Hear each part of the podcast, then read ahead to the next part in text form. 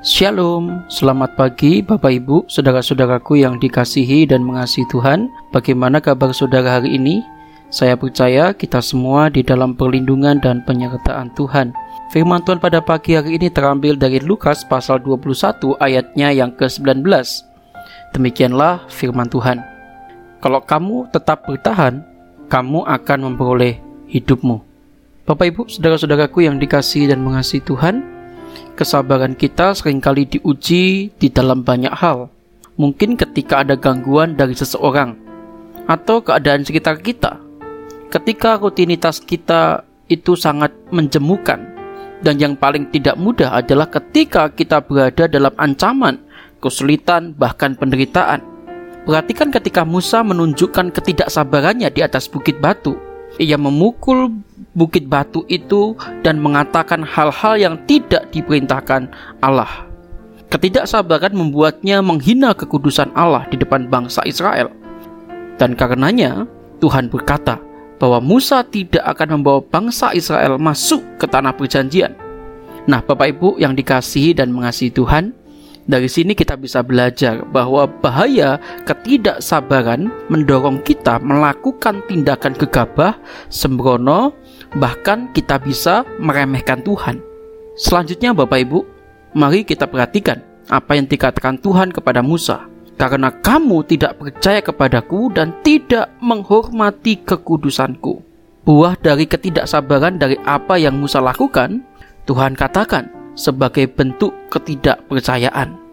Bapak Ibu, saudara-saudaraku yang dikasih Tuhan, demikianlah yang kita lakukan. Ketika kita mulai tidak sabar dan meragukan kebijaksanaan Tuhan atas segala hal yang terjadi dalam hidup kita. Ini sangat berbahaya Bapak Ibu. Kita tidak boleh menyepelekan sikap tidak sabar. Persoalannya bukan hanya terletak pada kepribadian kita yang tidak sabar, tetapi apakah kita sudah hidup oleh iman atau tidak. Kesabaran itu bukan kebajikan opsional dalam kehidupan orang percaya. Itu adalah buah dari iman kita, seperti yang dikatakan oleh pemazmur.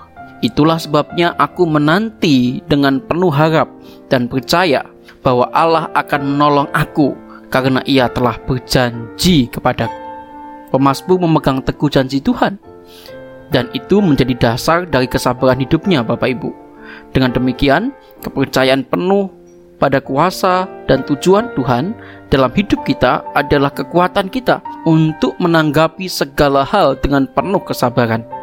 Ketika kita diperhadapkan pada situasi yang menguji kesabaran kita, kita jangan lagi bertindak dengan respon yang mengarahkan kita pada kemarahan, bahkan frustasi, melainkan seharusnya kita tetap bisa mengendalikan diri kita dengan baik. Yesaya pasal 30 ayat 15 mengatakan, dalam tinggal tenang dan percaya terletak kekuatanmu. Maka Bapak Ibu Saudara-saudaraku yang dikasih Tuhan, diamlah sejenak, jangan gegabah, bertindaklah hati-hati sesuai dengan petunjuk Tuhan. Demikianlah cerminan dari kesabaran yang kuat dan penuh hikmat. Kiranya Tuhan memberkati kita. Mari kita berdoa.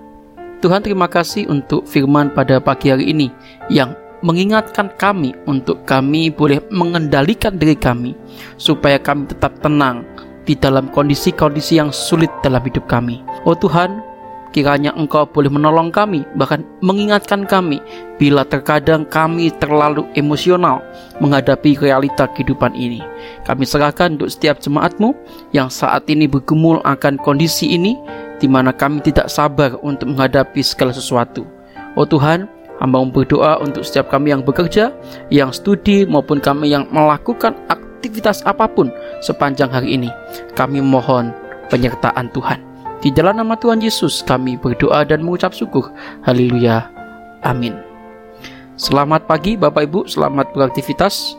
Tuhan Yesus memberkati. Stay safe, stay healthy, stay worship, and God bless you.